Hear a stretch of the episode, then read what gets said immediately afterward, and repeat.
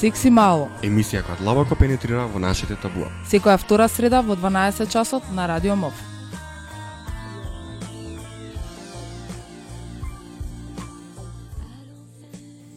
Здраво, јас сум Драган, овде со мене е Нате. Здраво. Марија Велијани ги нема, но се уште можеме да отвориме оваа емисија на овој прекрасен сончев ден.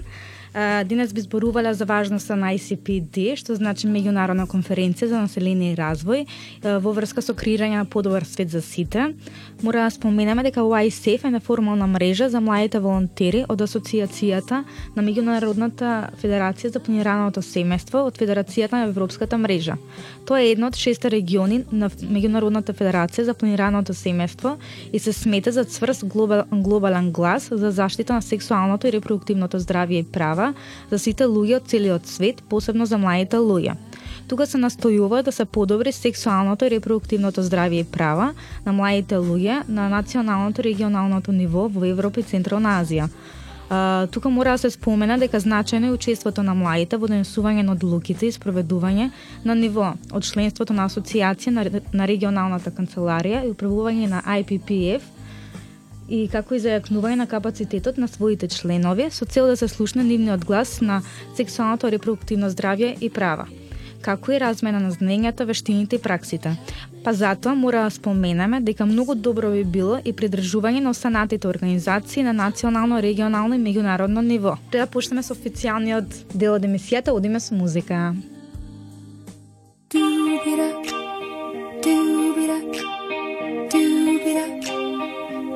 give it up.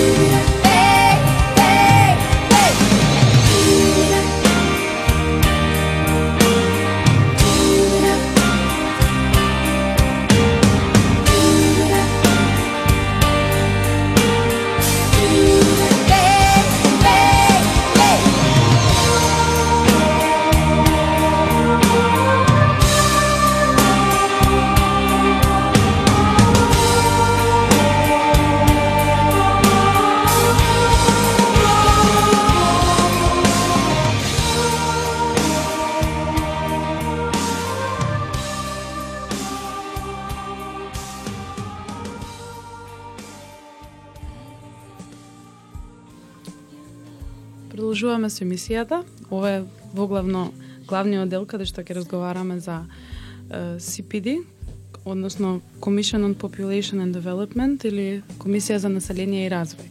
Значи, Комисијата за население и развој е дел од Обединетите нации и негова цел е да ги следи, да ги разгледа и секако оцени спроведувањето на програмата за акција, односно Youth in Action, на Интернационалната конференција за население и развој, на национални, регионални и интернационални нивоа. Значи, со тоа ICPD, односно првата интернационална конференција за развој е, и население, била историска конференција и била револуционерна, затоа што за прв пат била фокусирана е, на потребите на индивидуите од гледна точка на човековите права, отколку на некои демограф, демографски цели, односно ги става во фокус вистинските човечки потреби. Како и да е, целите на ICPD биле одлични, но далеко од постигнати. Не сите млади имале пристап до соуфатно сексуално образование, сексуално-репродуктивни здравствени услуги, вклучувајќи ги безбедните абортуси и многу од младите луѓе искусиле дискриминација врз основа на нивната сексуална определба и полов идентитет. За да го решат тоа, тие се уште мораат да ги натераат другите да ги сватат и дека дека постои тесна врска меѓу правото за сексуално и репродуктивно здравје и репродуктивните права, население, родова еднаквост, население врз жените, назилство врз жените, сиромаштија, одржлив развој од перспектива на младите, одржлив развој од перспектива на правата и друго. Новија глобални настани важно е учеството на младите со цел да ги истакнат нашите потреби и она за што се залагаме. Неколку членови на ЮСЕФ со така биле дел од последната седница на Комисијата за развој на население. Заедно тие представија различни области во- од регионот и различни држави кои се случуваат со различни предизвици во рамките на сексуалното репродуктивно здравје и права. Тие веруваат дека тоа ни дава нам силно разбирање за реалностите во кои младите луѓе од Европа и Централна Азија се соочуваат во секојдневниот живот кога станува збор за сексуалното и репродуктивното здравје и право. Но, но за да се даде најдобра слика од ситуацијата и да бидат сигурни дека сите предизвици се, се покренати, тие мораат да, да слушнат и од вас. Исходот на СИПИДИ ќе биде внесен во пост 2015 агендата и затоа е од клучно значење за развој на работата. Како ние може да им помогнеме? За да го одговориме ова прашање, мора значи да најпрво да го споменеме она дека тие ценат разновидноста на нивната мрежа, бидејќи тоа е едно од работите кои нив ги прави цврсти. Но доколку сме ние, нивни пријатели USF членовите, кои вршат неверојатна инспиративна работа во рамките на IPPF, член на Сдруженијето и многумина од нив кои исто така се активни на еден начин или на друг на регионално ниво имаат доста што да понудат. Па затоа треба да споменеме дека тоа дека тие високо го вреднуваат целиот ваш импут и ова е времето кога тие љубезно ве замолуваат за еден. Ова беше вовед околу активизмот и случувањата во однос на сексуалното репродуктивно здравје и права на глобално ниво. Но во следниот блог блок програмскиот координатор на ХЕРА, ќе ни сподели искуства од последната конференција за население и развој. Но пред тоа одиме со музика.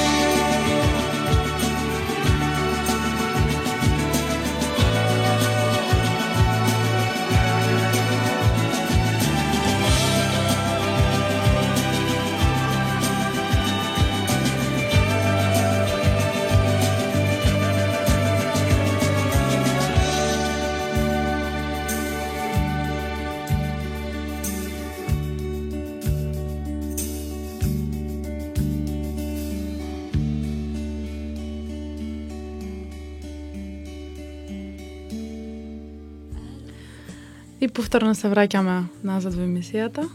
Сега моментално го имаме Даниел, наш гостин од Хера, координатор на младинската група на Хера.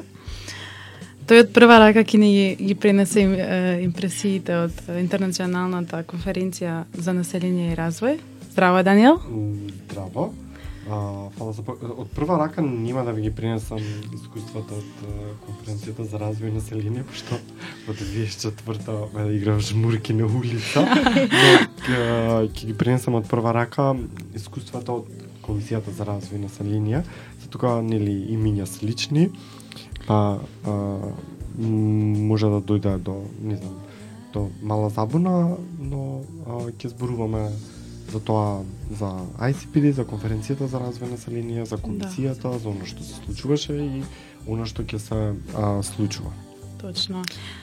Како почиток, дали би ни кажал, еве, што значи всушност интернационалната конференција за население и развој и како за, започна целата приказна за за истата? Па, меѓународната конференција за развој и население а, се случила точно пред 20 години во 94 во Каиро и за за многу луѓе таа историска конференција затоа што за прв пат на едно место се собираат над 150 земји во светот и на ед- едно место се собираат над 11.000 луѓе што представници од држави, од невладени организации, неформални групи изборуваат за прашања кои што за кои што предходно на, на светско ниво не се не се зборувало. На таа конференција отворено се зборува за сексуално и репродуктивно здравје, се зборува за а, пристап до, до информации, за образование, за млади луѓе, да. се зборува за, за права, се зборува за абортус и така натаму. Така да отвара а, се, се уште тие теми се и се табуизираат, не многу се збори, ама а, за време пред 20 години, но вистина тоа било а, таа конференција била особено важна. Да. Кажи ми, што се дискутираше во Нью Йорк на 47-та седница на ICPD? А, вака, значи а, во во април се случи 47-та сесија на Комисијата за развој и население а, на Обединетите нации.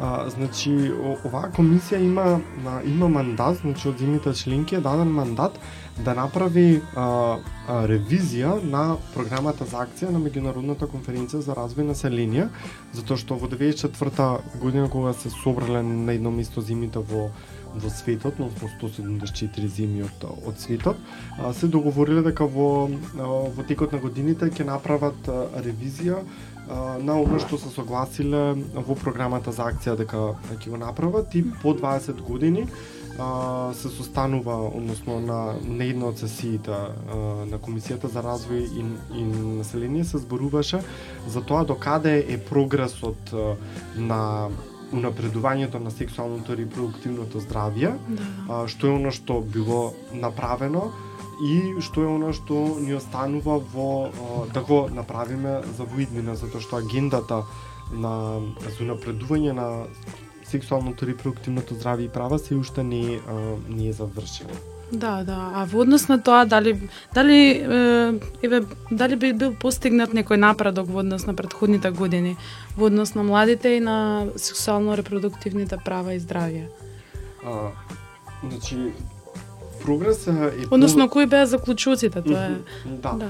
Значи, дефинитивно прогрес е, е постигнат, затоа што оваа конференција поставува некакви а, некакви приоритети, односно во документите се содржани одредени приоритети, а, според кои што земјите во, во, во светот работат. Е, сега, а, оно што е битно, ќе ќе кажем и за тоа кои се постигнувањето, но кога зборуваме за, за постигнување, една од најголемите негативни страни е што а, сите оние работи што се постигнати не се подеднакво на секаде во светот. Да. Односно дека има а, многу голема разлика помеѓу земјите што направила една и друга земја кои работат на да кажеме иста агенда исти прашања. А, развојот е, е многу различен и исто така и дури и внатре во во земјите има голема а, голема дискрепанца помеѓу а, различни групи во во едно општество. На пример, едно од да кажем поголемите достигнувања во светот, иако повторно ќе кажам не е на секаде исто, е зголемувањето на употреба на модерна а, контрацепција кај а, кај жените. На пример, тоа е едно од поголемите постигнувања, да кажеме на глобално ниво, Арнава во Македонија а, ние не сме мрднале од мрт, мртва точка, дури по однос на тоа прашање одиме и наназад. Да. Така што ту, а, тука е различно, понатаму има а, исто така а, во заштитата а, голем напредок во заштитата на здравјето на на жените во во периодот на бременост и породувањето многу а, а, се повеќе жени во во светот а, а, се повеќе жени во, а, во, во, во светот се породуваат во соодветни услови, новороденчето ги добива соодветната здравствена заштита и така натаму. Исто така еден од поголемите успеси, ако се уште има големи препреки во однос на, на тоа прашање е а, зголемувањето на, на пристапот до а, услуги а, за, а, за безбеден за безбеден абортус. Така да тоа се некои а, исто така има и подобрување на родовата еднаквост, иако и, и тоа има уште многу да се направи, но има на глобално ниво постигнувања кои што а, ни кажуваат дека а, сексуалното и репродуктивното здравје се подобрува, но а, сепак треба многу повеќе да а, да работиме. Мене ме интересира која била вашата позиција на, на годинешниот ICPD и кои биле нивните ставови. Ако Може да ни кажете. А, а, а, ставовите на Да. а, на невладините која била вашата позиција, да, на годинешниот? Да, и на нашата опозиција, така.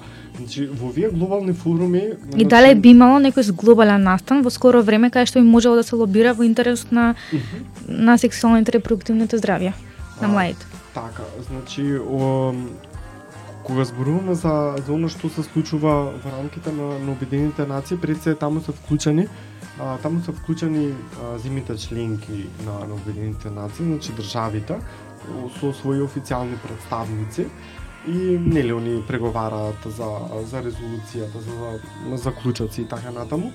И а, исто така во тие процеси се вклучени и представниците на невладините организации кои што учествуваат во пленарни сесии со своји мислења, ставови а, и така натаму и целта на на невладините организации е да влијаат на на представниците на државите за да работат кон напредување на а, на агендата што се однесува на а, сексуално и репродуктивно здравје и права. Значи тоа е улогата на на невладиниот сектор и тоа е едно од а, всушност обврските на Обединените нации дека ќе го вклучи граѓанскиот сектор во сите процеси. Е сега она што а, за опозицијата. Значи а, генерално кога што спомнав предходно, колку и ние да одиме напред, а, нажалост, се уште сексуалното и репродуктивното здравје е и особено правата се негирани, табуизирани, така натаму и така натаму.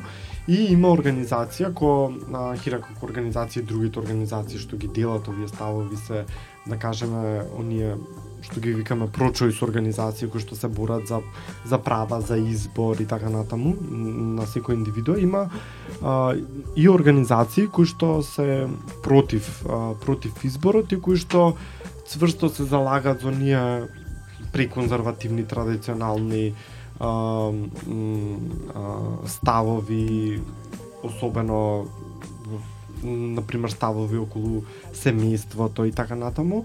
И тоа се всушност е нашата опозиција и а, нели во наводници ние се бориме а, против а, против нив, односно затоа што и тие со со своите активности пробуваат да влијаат врз врз државите, за да ја да кажеме ја работат на нивната агенда, односно промовирање на целосно традиционални а, принципи кои што воопшто не се продуктивни, тоа е легитимна борба во рамките на еден на, во рамките на на еден а, систем и на институционални рамки некакви.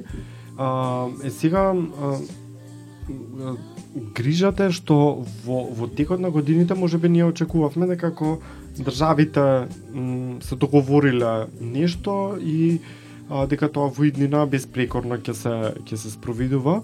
А, сепак тоа не е така и а, всушност онаа опозиција, односно организациите кои што се борат против човековите права, против а, а, против прогресот, слободно можам да кажам.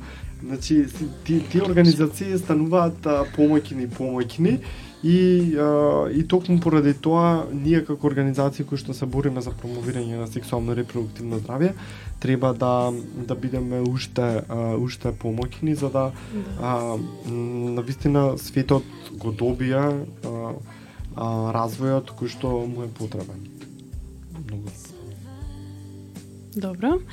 Ти благодариме. Да, дали би ни кажал дали ќе има некој сличен глобал, глобален настан во скоро време каде што би можело да се говори баш на светско ниво за сексуално и репродуктивно здравје и права на Добро, младите? ја од, од, од најверојатно многу зборење ги заборавив дел од прашањата. А, ајде да, да, да бидам малку пократок. А, значи, на глобално ниво, односно, кога збориме глобално, зборам во, во рамките на Обединените нации, а, следниот голем настан е а, во, нели, секој септември почнува сесијата на Генералното собрание на Обединените нации, која што трае нели цела една календарска година. А во сеп, на 22 септември ќе се случи специјална сесија на собрание на Генералното собрание на Обединените нации каде што ќе ќе се зборува за постигнувањата по меѓународната конференција за развој на население и а, генералниот секретар на Обединените нации Бан Ки Мун повикува на а, на представување на државите на највисоко ниво, значи на на ниво на а, шефови на држави каде што ќе се разговара за кои се а, достигнувањето по по Кајро 20 години по Кајро и што треба а, и што треба следно да се направи. Ние искрено сам сите а, целиот граѓански сектор, односно организации во светот работат на тоа заклучоците од таа конференција да бидат многу позитивни а, и, а, и, и документите кои што ќе произлезат од, од таа специјална сесија а, да бидат а, а, односно да водат кон напредување на сексуалното и репродуктивното здравје. Значи тоа е следно што ќе се а, а, случи и тоа е а, историски настан каде што ќе се зборува за а, сексуалното и репродуктивното здравје и права. Пред ти благодариме. Фала и на вас. Почитувани слушатели, тоа беше се за денеска. Се слушаме за две среди од сега. Чао од мене. Чао.